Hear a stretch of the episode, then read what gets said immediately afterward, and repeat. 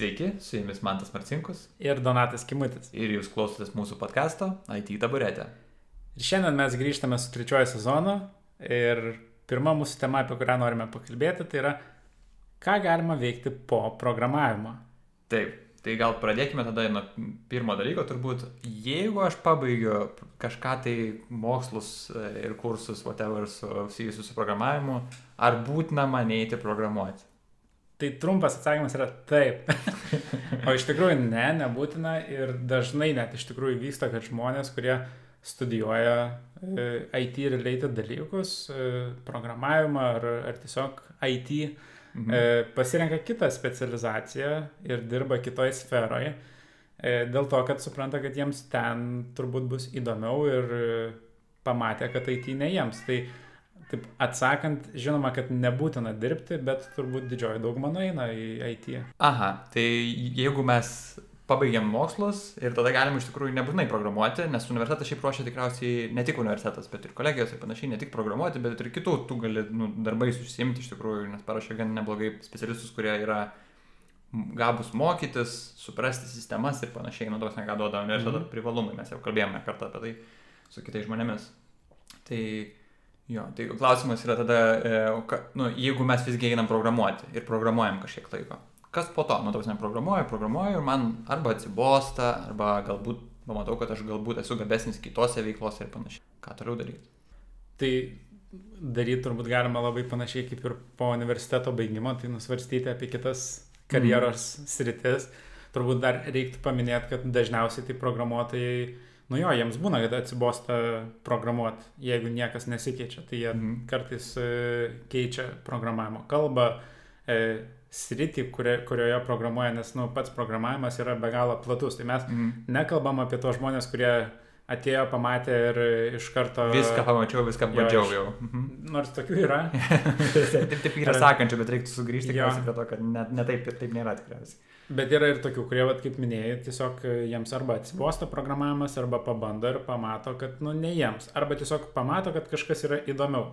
Mhm. Tai kur galima eiti, tai galima migruoti arba vertikaliai, arba horizontaliai. E, vertikaliai mhm. reiškia, reiškia kaip ir kyli, šiek tiek galbūt ir karjeros laiptais. Tiksliau gauni gal kažkokias atsakomybės, kuri yra susijusi nebe su kasdieniu programavimu, tas delivery ir panašiai o susijusi daugiau su tokiu menedžinimu bendrai. Galbūt tai yra kodo, galbūt architektūros, galbūt žmonių. Tai kokios tai rolės galėtų būti? Nu, pavyzdžiui, team lydas, architektas galėtų, pavyzdžiui, būti software techninis lydas, staff inžinierius. Jo. Va tokie, jo. vat.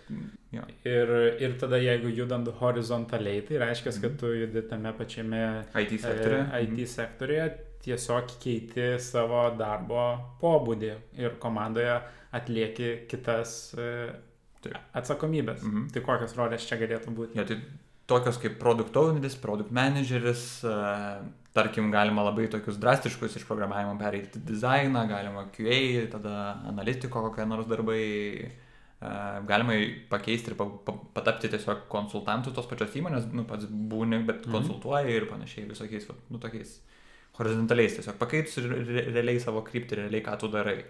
Aš gal net sakyčiau, kad perėjimas į QA nėra turbūt toksai jau drastiškas. Jo, netgi, ne, nes, ne, mažiausiai drastiškas galbūt. Nes ypač jeigu tu esi automation testuotojas mhm. QA, e, tai labai panašu. Jo, jo.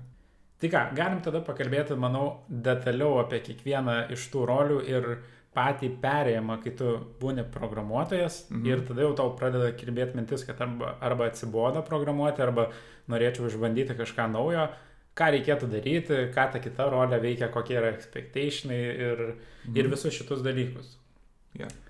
Tai pradėkime nuo Timlydo gal. Jo, tai gal biškai disclaimeris prieš tai, kad ne vis, mes esame patys dabar Timlydai, tik tai, tai mūsų tas patyrimas didžiausiai čia yra aišku, mes esame susipažinę su žmonėm, kurie visgi dirba ir architektais, ir, ir staff inžinieriais, ir teklydais, ir panašiai, mes galim truputį pasakoti, bet niekada nesakysim pilnai to atsakymo, bet čia tikriausiai ir nėra baigtinis, nes nu, mes kalbam apie kryptis daugiau nei aprašymus, o kiekvienas aprašymas yra įmonėse vis skirting, labai skirtingai. Taip, atsakomybė. Na ir turbūt net ir iš Timlydo perspektyvos mes pasidalinsim savo patirtim, o mm. ne kažkokiam auksiniam taisyklėm, ką, jo. ką padarius tu gali pereiti į Timlydus. Taip. Tai dabar klausimas, nuo ko pradėti yra. Gal pradėkim nuo e, Kas keičiasi, kai tu vat, būni inžinierius, programuotojas ir tu e, patampi tim lydu? Donatai, kaip tu, kas tau buvo, pavyzdžiui, gal pirmas patyrimas, vat, kas pasikeitė, kur tu, ha, matau tokį vat, skirtumą didžiulį? Pas mane tas perėjimas buvo toks ganėtinai ilgas ir neoficialus ir dabar jau oficialiai esu tim lydas. Tai man pats pirmas ir didžiausias dalykas, kuris keitėsi ir kurį aš labai stipriai jaučiau, tai to atlikto darbo e, e, jausmo praradimas. Mhm. Nes tu kaip programuotojas, tu inžinierius, eini, darai, kuri kažką, tu nuolatos e, komitini į kažkokį bendrą projektą ir, na, nu, matosi, kokią naudą tu neši. Mhm. Kaip tim lydas, tu darai labai daug dalykų, e, jie yra labai įvairūs, bet dažnai kažkokios apčiopiamos naudos tu nepamatai, nes, na, nu, tu tiesiog pašalini kliūtis, tu įgalini kitus dirbti be problemų, taip sakykim, Mhm. bet to achievemento tokio jausmo nėra. Ir šitą achievementą jausmą reikia nu, suprasti ir išmokti jį pamatyti, nes nu, jis, yra, jis yra, tu turi tai su- suvokti ir jeigu tu to nesuvoksi, tai negalės turbūt tim lydų dirbti, nes tiesiog blogai jausies visą laiką. Ja, nieko nepasiekintis, būtų labai sunku dirbti, kai nieko nepasiekiu vis. Jo. Tai čia man yra didžiausias turbūt pokytis nuo inžinieriaus. Kitas dar dalykas, kurį gal paminėčiau, tai yra e, išmokimas deleguoti, bet tą reikia mokėti daryti ir būnant jau programuotoju. Tiesiog e, būnant team lydu, tai turi daryti daugiau ir, Labai daugiau. ir labai daugiau ir suvokti turbūt, kada, kam ir kaip tai daryti, kad tu galėtum ir empowerinti žmonės, bet to pačiu ir neperkrauti jų. Tai čia irgi toksai Managint va šitas e, apkrovumą jo. Mano patyrimas tikriausiai gal sudėtingiausias dalykas, kai tu vienas dalykas tu dirbi su, su kodu, kuris nėra toks e, čia reikalaujantis dėmesio, pavyzdžiui, tai žmonės iš tikrųjų daug dėmesio reikalauja ir man nu, didelis tas tikriausiai pačiam iššūkis buvo sugebėti tą dėmesį paskirstyti teisingai, suprasti, kur dėmesio reikalauja, paprašyti žmonės, kad pasidalintų, kur jiems dėmesio reikia ir panašiai. Ir tas nėra paprasta. Tai bilinimas to pasitikėjimo vienas kitu su, su komandos nariais yra gan sudėtinga. Aišku, daug sudėtingiau yra, kai mano rolė atėjus į komandą, kur aš nebuvau inžinierius, yra daug sudėtingiau pasiekti tą pasitikėjimą vienas kitu. Ir nežinau, ar iki galo tai įmanoma padaryti, nu, tarsi, kad, kad Mhm. vat, tikiu ir tiki manim. Uh, bet sėkmybė tikrai yra tos pilnas pasitikėjimas vienas kitu, tai man buvo toks va, didžiausias iššūkis dar ir dabar yra. Ir plus, manau, kad tai, kad team lydo darbas daugiau ir mažiau skiriasi labai stipriai nuo programuotojo, tai reiškia, kad tu jau pereini į tokį, nu vienas dalykas, tu nebedarai, kaip ir sakei, bet nesieki kažkokio tikslo tokio, tu sieki tikslų, kurie yra aukštesni, nu tu žiūri, kad tavo komanda pasiektų kažkokio bendro tikslo. Tai jos turi, nu, ta prasme, jūs turite eiti link kažkokio tikslo kartu. Tai tavo, tas reikia suvokimas, kad tavo tikslas yra tas žmogus, tiksliau, tas, tas žmonių pasiekimas to tikslo, vat, sprinte, ketvirtyje, metuose ir panašiai, projekto padarimas ir panašiai, tai tavo tikslo rezultatas, va tas yra. Jeigu komanda sėkmingai, be didelių problemų ir pykčių ir panašiai pasiekia to tikslo, tai va, tikriausiai tas rezultatas ir tave turėtų džiuginti. Jo. Klausimas, aišku, nuo tavęs priklauso ar nepriklauso, čia reikia pajusti ir tą suprasti, kad iš tikrųjų daug priklauso nuo tim lygio. Tai va. Taip, ir, ir tada man tai ką reikia daryti, jeigu tu dabar esi programuotojas ir taip jau kirba ta mintis, kad, nu, Mhm. norėčiau būti team lydu. Mhm. Ir tai gali būti turbūt visokių lygių programuotojams, nes galbūt junior programuotojas gali jau žinoti, kad aš noriu būti Taip. team lydu in the end, ne? Taip. E, Ar turi kažkokių patarimų? Jo, tai gal ne patarimais pavadinti sunku, jo, gal pat- patarimais. Pasidalink tarp ir savo E, tiesiog esi- patirtį. Manau, kad e, pirmas dalykas tai, e, kad skirtingo a, skill seto reikia. Tos programavimas yra skill setas, kuris naudojamas, nu, tipo, analitiškai mąstyti, spręsti problemas, daryti tai iteratyviai, naudosime, e, betuoti daug idėjų ir panašiai, nu, galvoju daug sukasi sugebėti ir su komanda dirbti ir panašiai, tai team leadas yra tas žmogus jau, kur tavo atsakomybė, e, nu, tiksliau, skilsetas nebėra remtamas tuom ir kartais net reikia atsitraukti nuo jo, nes tau nereikia spręsti visko iteratyviai, visko analizuoti ir panašiai, nes tu turi pasitikėti kitais, tai leidi kitiems žmonėms tą daryti. Tai reiškia, kad sugebėti kitais pasitikėti yra pakankamai svarbus. Manau, kad tai, vat, kur tu sakei, kad ten e, junior programuotojas gali būti leadu, aš manau, kad gali, jeigu turi skillsetą, bet esmė, kad tikriausiai kuo daugiau patirties turi, tuo daugiau tu to delegavimo darai. Aš sakiau, kad jisai gali norėti būti Jo. tim lyderu ir Jo. žinoti apie Jo, tai, tai kad po tru- gali, tai dar Taip, po truputį lipant aukščiau daugiau patirties įgyjant, e, sugebi vis daugiau deleguoti, tai, e, tai manau, kad vienas iš tų pagrindinių dalykų, kur vat, reiktų išmokti tą daryti ir sugebėti pasitikėti rezultatų, kurį tau duoda žmonės, kurie tą darbą daro. Ir aš ką dar norėčiau gal paantrinti, ką man tas sako, tai apie pasitikėjimą. E, Ir čia skamba labai paprastai, bet tai tikrai nėra labai paprasta.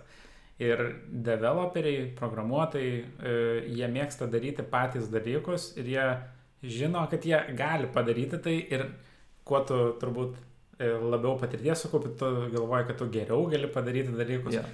Tai pasitikėti ir duoti visus techninius sprendimus priimti kitiems iš pradžių yra labai sudėtinga, nes tu labai nori įsitraukti, labai nori e, prisidėti prie viso to, o kadangi tu jau esi timlydas, tu matyti ir šnekėti, mėgsti ir mokyti, tai gali labai greitai pradėti vos ne kad mikromanaginti, Yeah. ko nereikėtų. Ir e, tai reikia labai atskirti ir, ir tą padaryti sunku iš Mhm. pradžių. Pritariu tikrai. Ir tada galvoju, kad toliau tikriausiai reikia tokių sugebėjimų, kur galbūt tu pradedi galvoti, kad, aha, man visai sekasi su žmonėmis. Tai vad klausimas, tas kaip man sekasi, kaip bendrauti su jais, ar aš galiu dirbti su jais, padėti jiems siekti savo tikslų programuotojams, tim lydas į tai turi atsakyti, suprasti, kur ir kodėl, kas juos motivuoja, suprasti, vat, ne tik motivaciją, bet ir kaip jie jaučiasi, tu, nes tu galvoji apie visą komandą, reikia suprasti, kaip komanda pati e, jaučiasi kaip organizmas, nes tai yra, nu, tipo, kiekviena interakcija ar santykis tarpusavį sudaro jau tokius esminius tikriausiai pokyčius ir gali būti, kad vienas žmogus pradės jaustis blogai ir tada visa komanda. Bet visus šitos dalykus suprasti, tikriausiai nemažai reikia patirti ir būnant su žmonėmis, nu, kartu Mhm. dažnai. Reflektuojant, galvojant apie tai, nes manau, kad refle refleksija tikriausiai pagrindinis įrankis tim lydo yra šiaip tikriausiai. Uh, tai vat tą sugebėti padaryti efektyviai ir, ne, ir konstruktyviai ir nedefensyviai, nes ne, ne. Tai manau, kad pradėti skaityti knygas apie tai, apie kaip vat, su žmonėm bendrauti, kaip uh, įgalinti ir, ir, ir, ir, ir kaip padėti jiems tikslus siekti, kaip vesti mitingus, nes vienas iš tokių dalykų, kur dažnai ne, nepagalvoji, gal tik tai atrodo, ai, tai aš čia pavesiu. Bet kai tavo tikslas yra privesti žmonės, kad jie sukurtų tavo sprendimą, o ne pačiam prisidėti prie jo, tai daug skir na, visai skirtingi laiko tu turi labai stipriai atsitraukti ir tik tai padėti jiems uh, moderuoti ir panašiai. Tai va, tai yra tokių softinių sugebėjimų ir tikrai daug reikia įdėti pastangų. Ir manau, kad jeigu dabar, nu, galbūt besiklausantis žmogus yra programuotojas ir nori būti lydu, tai tikriausiai visą laiką reikia kalbėti su savo vadovu. Kad aš noriu, mano sėkmybė yra būti tavo vietoj, kas yra visai uh, logiškas pasirinkimas, nes tai mano yra karjeros kelias, kurį aš norėčiau daryti galbūt ne tavo vietoj konkrečiai, bet tavo vietoj kitam padalinyje arba kitoje įmonėje visai. Uh, nu, čia nedėlė, nedėlis skirtumas tikriausiai. Bet esmė, kad jisai tai žino, nes jisai jau dabar toje vietoje yra, kur tu esi ir jis gali tau duoti patirties savo. Ir tą, tą patirtim pasidalindamas, vienas dalykas ir tu greičiau auksi, ir, tavo vadovas džiaugsis dėl to, kad tikriausiai daug darbų nuo jo nuimsi, dėl to, kad tu vis bandysi kažką tai padaryti, ko nedarai. Čia su sąlyga, jeigu turi gerą vadovą. Jo. Tai jo, bet, na, jo, negaliu pridėti. Ir jeigu pasitikė savo vadovu, aš gal ką pridėčiau, tai nedaug, bet tokių labai praktiškų dalykų, tai reikia būti labai iniciatyviu ir nebijot to. E, jeigu dabar esi programuotojas, reikia kažką padaryti, reikia kažkokį procesą, reikia į mytą nueiti, kelk ranką, eik, daryk, bandyk, nes, nu, tada tu tiesiog pateksi į tas situacijas natūraliai ir gausi naudingos praktikos. Kitas dalykas - daryti kalbėti, eiti, va tos pačius mytus organizuoti, vest, nes, nu, kuo daugiau darysi, tuo daugiau patirties va tos įgausi ir galbūt net pamatysi, kad tau tai visiškai ne prie širdies arba, nu, kad kaip tik patinka. Ir, ir trečias dalykas, tai va, kai su tuo pačiu savo vadovu pakalbė, tai prašyti feedbacko. Daug ir dažnai ir ką galėtum papildomą padaryti, gal koksai expectationas būtų tuo metu, jeigu jau būtum team leadas. Mm ir, ir tada turbūt išmoksi daug greičiau. Jo. Ai, ir lyderystė yra, nu taip, mes kalbame apie team leadą, tai lyderystė yra apie tai, kad tu pavyzdį rodai kitiems veiksmais ir panašiai, tai jeigu tu nori, kad kažkas tai padarytų ir padėtų tau pasiekti kažkokį tikslą, tai turi rodyti, kad aš noriu siekti to tikslo, tau nebūtinai reikia pa, pačiam daryti, bet rodyti, kad aš tikslo siekiu, tai visi nu, pat, arba patikės tavim, arba bent jau žinosi, kad netiki tavim, reiškia, reikia kažkaip tai spręsti šitą vat, klausimą, kodėl netiki.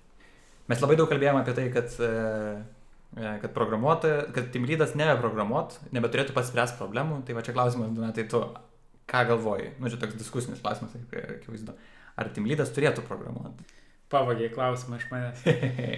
tai dabar aš tada pabandysiu atsakyti ir reikia žiūrėti nuo kiekvienos įmonės, manau, e, kiekviena įmonė konkrečiai turbūt turi savo expectationus team lydams, komandos vadovams, skyriaus vadovams, nu, kaip jau ten vadinasi -hmm. ta e, pozicija. Aš manau, kad team lydas turėtų turėti techninių dar vis žinių ir sugebėti suprasti bent jau kaip minimum tai, ką developeriai kalba, ir taip jam yra lengviau susikurti pasitikėjimą tarp savęs ir developerių. Ar team lydas turėtų eiti, lysti į kodą ir programuoti? Manau, kad labai priklauso nuo žmogaus e, kaip team lydo, ar jam to reikia. Aš manau, kad neturėtų idealiai, nes mm. turėtų skirti visą savo laiką aukt e, kitose srityse, o ne programavime. Tai mokintis, e, kaip sužinoti apie komandos sveikatą ir kaip ją gerinti, įvairių situacijų handlinimas, tas pats e, kalbėjimas, one-on-one. Ir kiek, kuo tu daugiau laiko skirsi tam, tai tuo tu geresnis toje srityje būsi.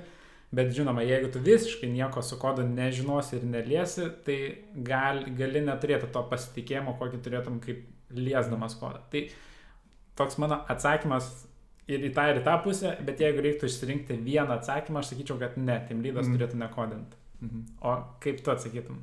Aš manau, kad Team Leadas turėtų programuoti. Ir manau, kad e, vienas iš argumentas, kurį tu panaudojai, kad svarbu Team Leadui sugebėti šnekėti su programuotojais. Ir manau, kad vienas iš tų įrankių tikriausiai yra dar programavimas. Mhm. Kitas tai labai problematiška būtų, jeigu tu neprogramuoji ir po truputį atitolsti nuo to, nebūnima techniniuose sprendimuose, mytinguose ir panašiai, kur priėmimi tie sprendimai, tu tiesiog priėmė juos kaip faktus, mm. nu, tipo, pasitikė komanda, viskas gerai, bet problema, kad paskui jūs pradedate nebesišnekėti, nes kalba pradeda skirtis, nes tu pradedi kalbėti su kitais team lydais, kur yra daugiau managemento, soft mhm. skillsinių dalykų ir panašiai, tu biš pamiršti. Bet aš manau, kad iš to vietoj žmogus nebūtinai, ta prasme, aš manau, kad jis turėtų iš viso programuoti ir tam vat, savo komandai, bet labai labai nedaug. Tiek, kad, nu, tipo, atsakomybė už savo kažkokį mažą kodo gabalą, jį palaikyti ir suprasti, kaip veikia sistema, nu, tipo, kad kokios problemos, pajausti, ką turi programuotojai, kad ne viską išgirsti. Arba paklausti klausimus. Nu, toksai šaltinis atrodo papildomas. Taip, tai pilnai sutinku, kad geriau susikalbė su žmonėm, bet tada vėl e, tu sakai, daugiau kalbė su tim lydais, su panašiais, su kitais tim lydais, kas gal nėra blogai. Kokie tavo yra ateities tikslai?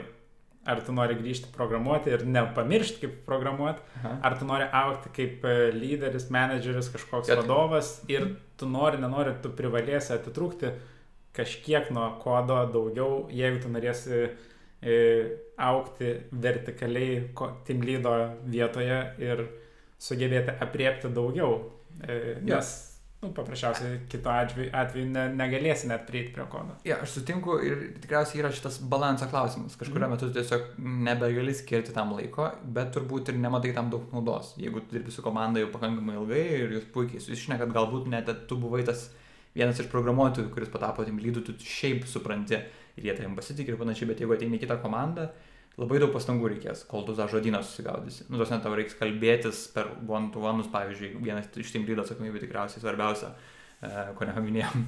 tai manau, kad vat, jeigu tu per one-to-one'us spręsi kitus dalykus, vat, ne inžinierinius, tai niekada arba labai ilgai užtruks, kol tu susirasti kalbą. Bet čia tiesiog, čia gali būti vienaip ar kitaip, gali būti tavo komanda visiškai bus tokia atvira, kuri ties ir pasakys, kad, va, žiūrėk, mes priėmėm sprendimus, tu esi tam, kad tu turi savo atsakomybės ir viskas ok. Tu neturi mm. programuoti ir expectation, kaip pasakė. Tas labai... Jo, arba, arba tavo komandos nariai tiesiog nebenorės tau pasakoti kažkokių techninių dalykų, nes matys, kad tu nesupranti ir nelabai gali įsigilinti. Tai aš manau, kad iš esmės Team Leadas net ir neprogramuodamas jisai turėtų būti pakankamai protingas žmogus, kad suprastų, sugebėtų suvokti tos konceptus, kuriuos daro komanda.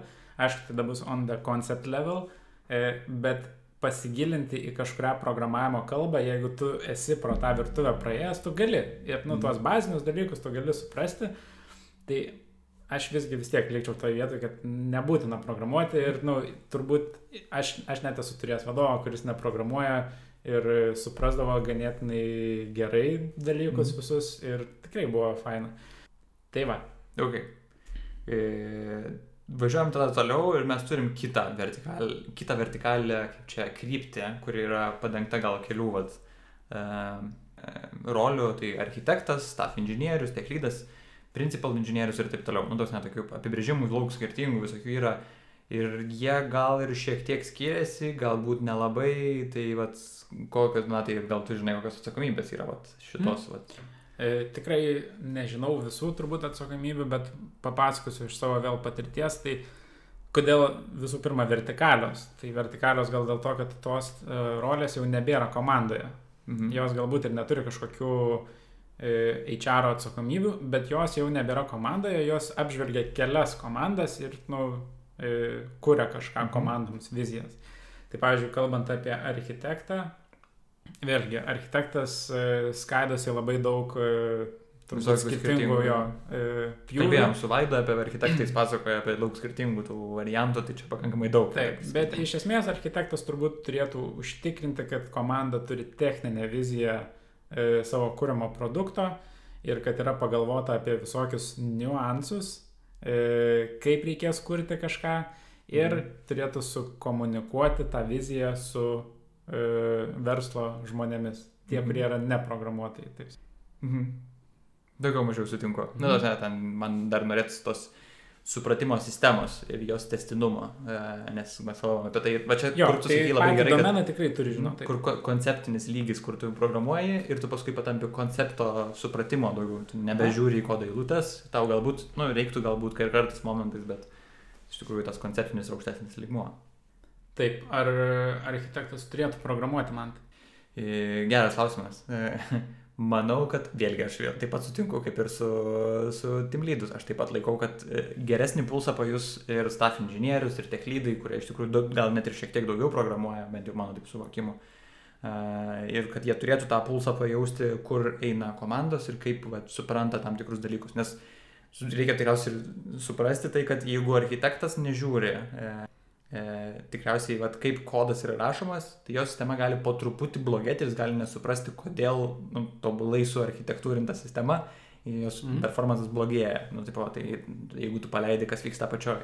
Tai tie žmonės, kurie iš tikrųjų vat, žiūri tik tai vat, į savo tą brėžinuką ir daugiau nieko nemato, tai vadinami Ivory, architekt, Ivory Tower architektai ir jie daugiau nieko nemato, ne, nežino, vat, kas vyksta. Jo. Ar architektas, ar manai, kad architektas yra žmogus, kuris labiau turėtų programuoti negu team leadas? E... Nu, bet čia lyginiai jau čia. Nu, manau, kaip tu manai, manau, kuriam svarbiau? Tu sakė, kad ir tam, ir tam reikia programuoti, kuriam manai svarbiau? Manau, kad du skirtingi, e, aš manau, kad čia kiekvienam nuspręsti, kaip, ko jam užtenka, kad suprasti vienam team leadui, pavyzdžiui, suprasti, su kuo komanda dirba ir suprasti, kokios problemos jie kamuoja o architektui suprasti, kaip jo sistema vystos. Nu ir tipo, kokio brandumo. Bet irgi labai svarbu su, su, suvokti, kokios problemos kamuoja, nes kartais, nu, vat, kaip tu minėjai, yeah. Ivory Tower architektai, jie taiko naujausias praktikas, design patternus ir taip toliau, bet tai neveikia paprasčiausiai dėl kažkokių priežasčių, kurios yra yeah. specifinės tai organizacijai. Yeah O jie vis tiek tai kiša. Ja, tai, tai team lydai manau, kad tokių dalykų visiškai negalvoja, tipo, not a problem, nes... ja.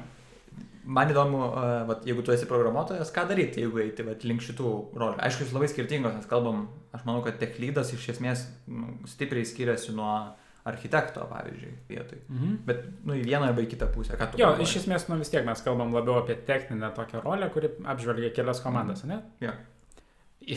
Nežinau, aš niekada nebandžiau e, eiti link tos rolės. My best guess būtų, kad tu turėtum ir bandyti analizuoti, kaip dabar jūsų, pavyzdžiui, sistema veikia, bandyti projektuoti, galbūt, nu, pastebėti kažką į ateitį ir, nu, va, taip praktiškai žiūrėti. Bet šitoje vietoje teorija taip pat labai svarbi, nu, tai reikėtų ir pasiskaityti knygų apie įvairias architektūras, apie design patternus, kada ką taikyti ir, ir visada sekti visas naujausias techninės žinias, nes, na, nu, žinom, kad IT dažnai kas viskas mm. pasikeičia. Ir tuo pačiu, aišku, reikia ir sugebėti bendrauti ir matyti ne tik savo komandos e, skaupą, nežinau, lietuviško žodžio apimti, mm. bet ir kelių komandų ir suvokti, kur link eina ta sistema ir kaip jinai evoliucionuos, e, bandyti nuspėti ateityje, ar atsiras tam tikras funkcionalumas ir kaip jisai galėtų efektinti tavo dabartinę sistemą. Mm. Nu tai bandyti, va, iš esmės, tokius dalykus daryti. Ir vėlgi, aišku, einam pas savo leadą, šnekamės, augam, bandom daryti. Ir... Jo, tai manau, kad va, su, su team leader arba su tavo menedžeriu, kai tu kalbė apie va, tokią managerial rolę, tai gal yra skirtumas, kad, aha, padėk man ir papasako, ką, ką tu darai. Su, jeigu su tavo menedžeriu eini kalbėti, tai galbūt biškai negalėtų irgi, kaip mes tai va, iš jausmo galėtų pasakyti, aha, reikia knygų paskaityti, reikia suprasti ir va, ką tu sakai labai teisingai, bent jau aš taip pat tą patį pučiu sakyčiau. Uh, tai čia galbūt va šitoje vietoje, jeigu kas nors nori būti, va, tech lydų, principal inžinierių, staff inžinierių, architektų, whatever, tai turėtų eiti ir paklausti žmonių, ką tai reiškia, kurie jau dirba šitose rolėse. Galbūt tavo įmonė, galbūt kitoje įmonėje, ką jie darė. Galbūt jie pasakys, visi žmonės sakys, kad, nu tai dirbau ir buvau, patapau.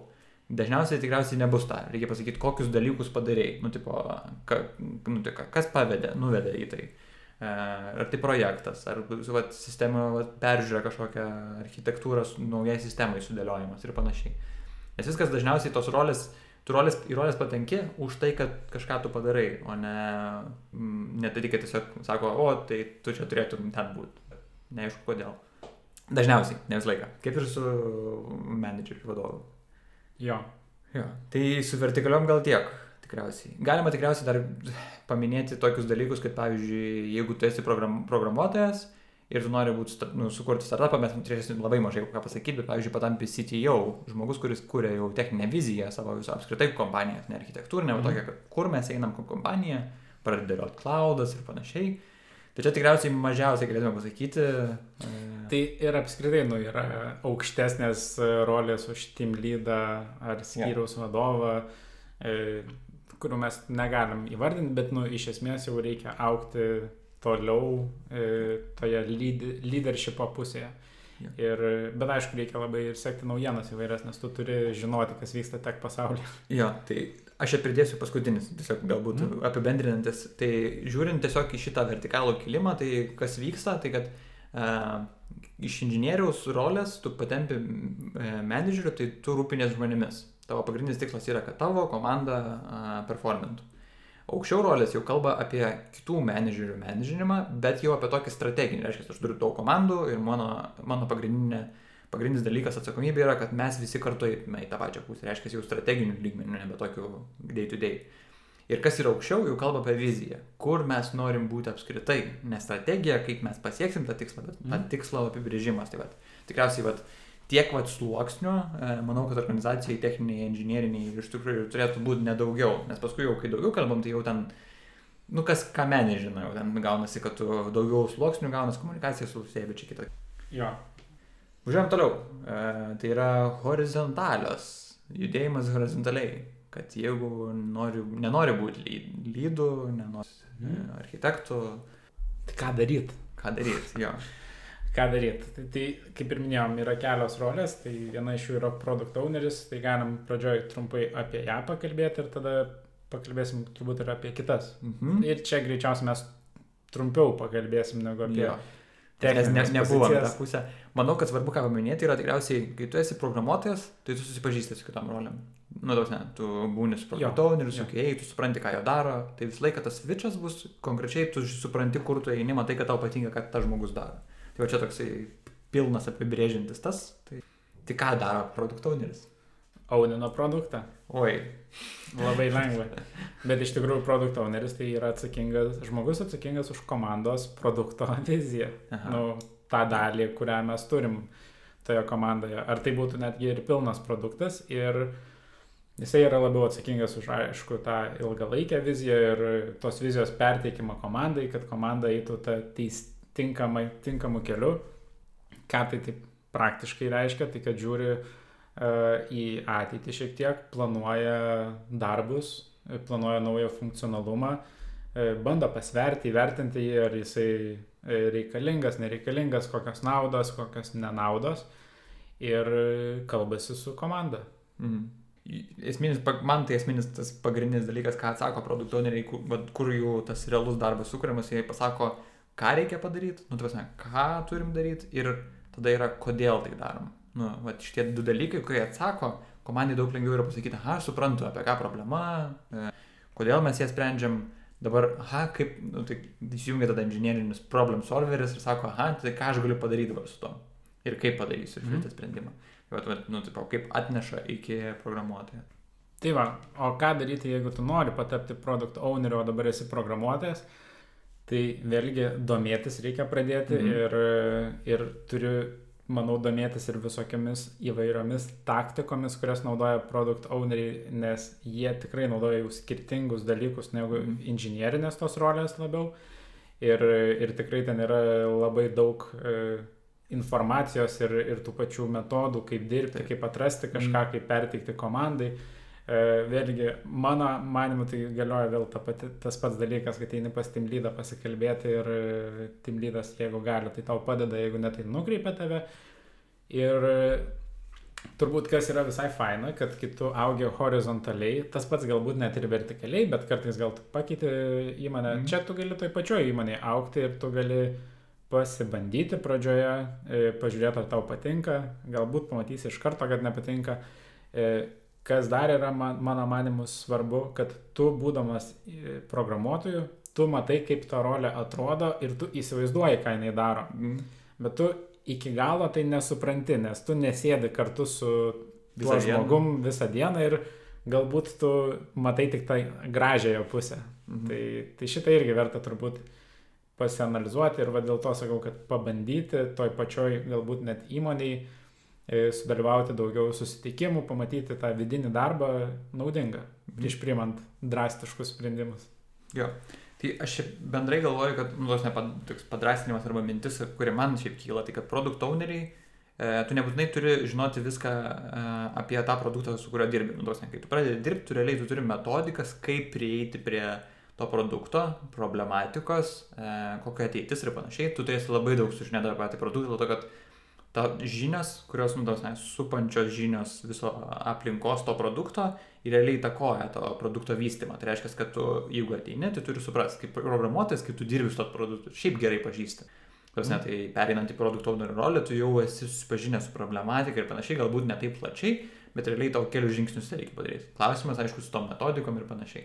Tai yra gan nemažai knygų apie produkt ownerius, apie product managerius, project managerius, net sertifikatus gali laikyti ir, ir panašiai, kurie yra labiausiai vertinami tikriausiai šiaip pasaulyje, PMBOKas ir panašiai.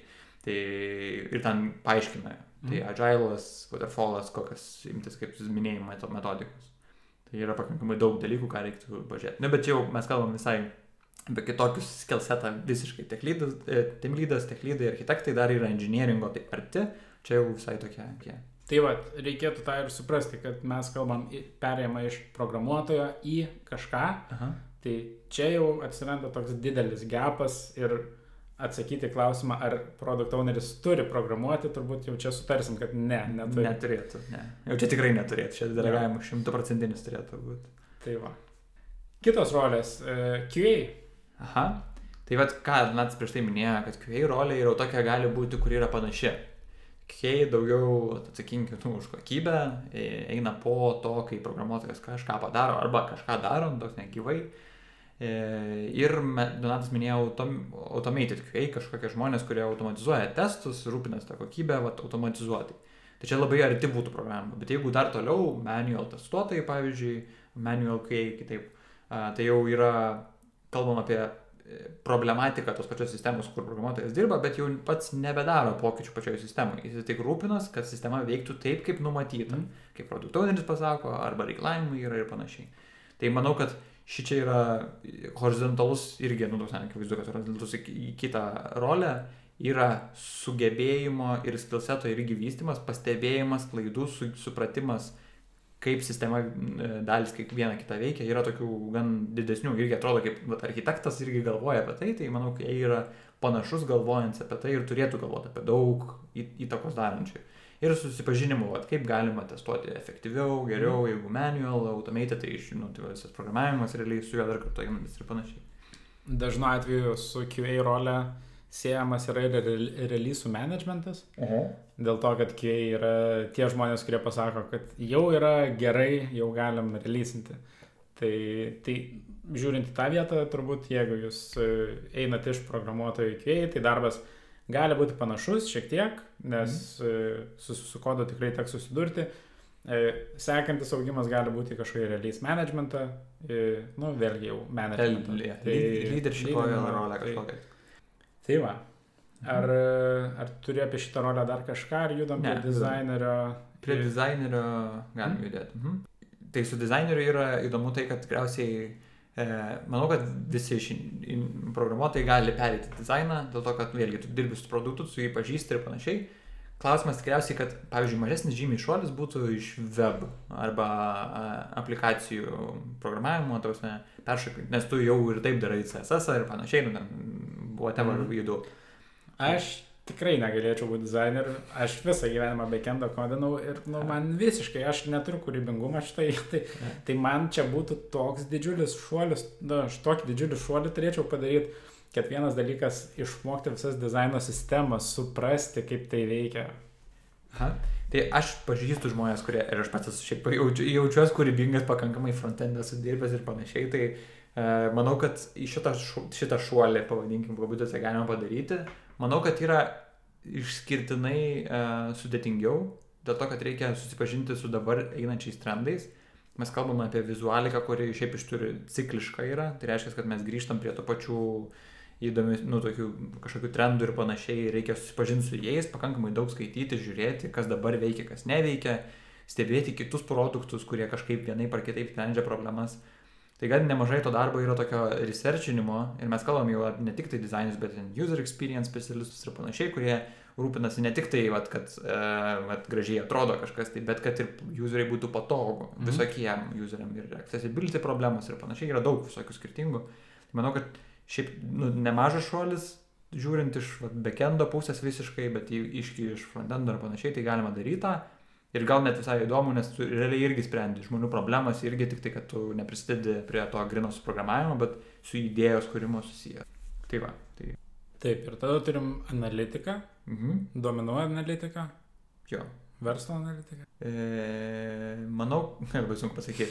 Ja, Skirtingos rolės. Jo, skirtingos rolės. Analitikai ir duomenų analitikai yra jau tikrai pakankamai daug ir platu irgi yra, nu, kaip dirbti su duomenim. Arba analitikai, kurie dirba su reikalavimais, tikriausiai aiškinas, ko sistemai reikia, tai produkt ownerio kažkokią rolę padengi. Tai gal apie duomenų analitiką daugiau nei apie produkt ownerio rolės padengimą. Gerai. Tik tai, tai anal, duomenų analitikai yra žmonės, pavyzdžiui, e, kurie užtikrina, kad mūsų sprendimai arba mūsų sistema veikia a, patikimai ir tai daro remdamėsi kažkokią metodiką, kuri yra, nu, statistika, pavyzdžiui. Yra paremti skaičiai sprendimai, pavyzdžiui, nu, data driven yra vienas populiariausių ir daug įmonių dabar sako, kad taip daro. Ir aš tikiu iš tikrųjų, kad kai kurios daro, kai kurios galbūt pasitikė per daug savo duomenimis. Mhm. Bet, pavyzdžiui, jeigu mes padarom sistemoje savo pakeitimus kažkokius ir mes norim suprasti, ar veikia ar neveikia vartotojas, teigiamai ar neigiamai, ir tu turi pažiūrėti, kaip prieš tai sistema veikia ir kaip dabar veikia. Tai Duomenų analitikai va šitą va, analizę daro. Ten naudoja AB nu, AB testus, tam naudoja tiesiog kažkokius e, modelius e, ir panašiai. Tai yra tokių gan plačių irgi ten. E, visas machine learningas, aš kalbu apie tą patį irgi kartu, kad, nu, tos mes kalbam apie problemų sprendimą, kur programuotojas nebegali paprastų algoritmų išspręsti, kur reikia daryti už kažką tai tokios slėpti dėžutėje. Tai va irgi tas plečias, plečias labai daug. Jo, aš iš esmės pritariu, man duomenų analitikas labiausiai ir siejasi su to, kad jisai daro įvairius, sugeba daryti įvairius duomenų pjūvius, kurie nėra e, trivialūs neduomenų analitikams ir pagal tos netrivialius duomenų pjūvius ar duomenų analizės pateikti kažkokias trivialias išvadas, kurios yra suprantamos visiems ir tu Mhm. gali nuo to priimti sprendimą, į kurią pusę judėti. Jo. Tai mes šitoje vietoje nežinau, ar galim pasakyti, kaip eiti link duomenų analitiko. E, Mhm. Aš manau, kad e, pagrindinis dalykas tikriausiai, ką reiktų daryti, šiaip vėl skaitimas, akivaizdu, mokymasis šitas ir tada supratimas, tos vietos, kur tu kaip produkt owner reikia suprasti, su kuo tu dirbi, su žmonėmis, pavyzdžiui, ir žmonės kažkokį veiksmą atlieka ir turi suprasti, nu, vat, ką tas veiksmas daro, tai reiškia pažinimo irgi pakankamai. Bet turime skaičiais, tai argumentuotai kažkokiais ir pat. Tai jo, tai suprasti ir dirbti su duomenim. Turėtų būti kažkoks drivas prie to skaičiukų Jo. ir suprasti, kad Turėtų patikti turbūt ir aš gal net sakyčiau, duomenų analitikas yra ganėtinai individualaus darbo atstovas. Manau, kad taip, nu, tipo tas, bet aš negal, negalėčiau susiekti, man atrodo, pavyzdžiui, analitikas iš tikrųjų labai tampriai dirba ir su komanda, ir su Tai, produktu. kad dirba su komanda ir su produkto owneriu, aš šitą sutinku, kad reikia mokėti bendrauti, kolaboruoti, teamworkas, go ahead. Uh, bet ką turiu omenyje, kad duomenų analitikai tikrai turės daugiau taskų tokių, kur, kurie reikalaus atsėdimo vienam ir nu, Jo. analizės iš esmės. taip, taip. Kur e, reikės Susikaupimo, pamastymų. Nors visiems to reikia, bet ne visi tai gauna, o analitikai galbūt ir daugiau gauna. Tai va, ar, ar turim dar kažkokių horizontalių rolių, kurias norim peržvelgti? Jo, gal viskas, manau, to, pakankamai tokios plačiai padengėm iš tikrųjų visokių skirtingų IT susijusių, tikriausiai kas mums aktualiausia. Tai, tai, ką mes matom iš komandų, iš savo patirties su, su tuo, mm. ką Mhm. dirbam, tai taip apibendrinant, tikimės, kad atsakėm kažkiek į klausimą, ką galima veikti po programavimo ir tas klausimas, e, tikiu, kad tikrai kyla ne vienam, nes programuoti atsibost arba gal pajaučiat, kad ne jums, e, nors turbūt Arba kažkur norite aukti toliau. arba kažkur norite aukti toliau. Tai šiam kartui tiek, uždarom pirmą seriją, trečią sezoną ir su jumis buvo Donatas Kimutis. Ir Mantas Marcinkus. ir susimatysime kitoje laidoje. Iki. Iki.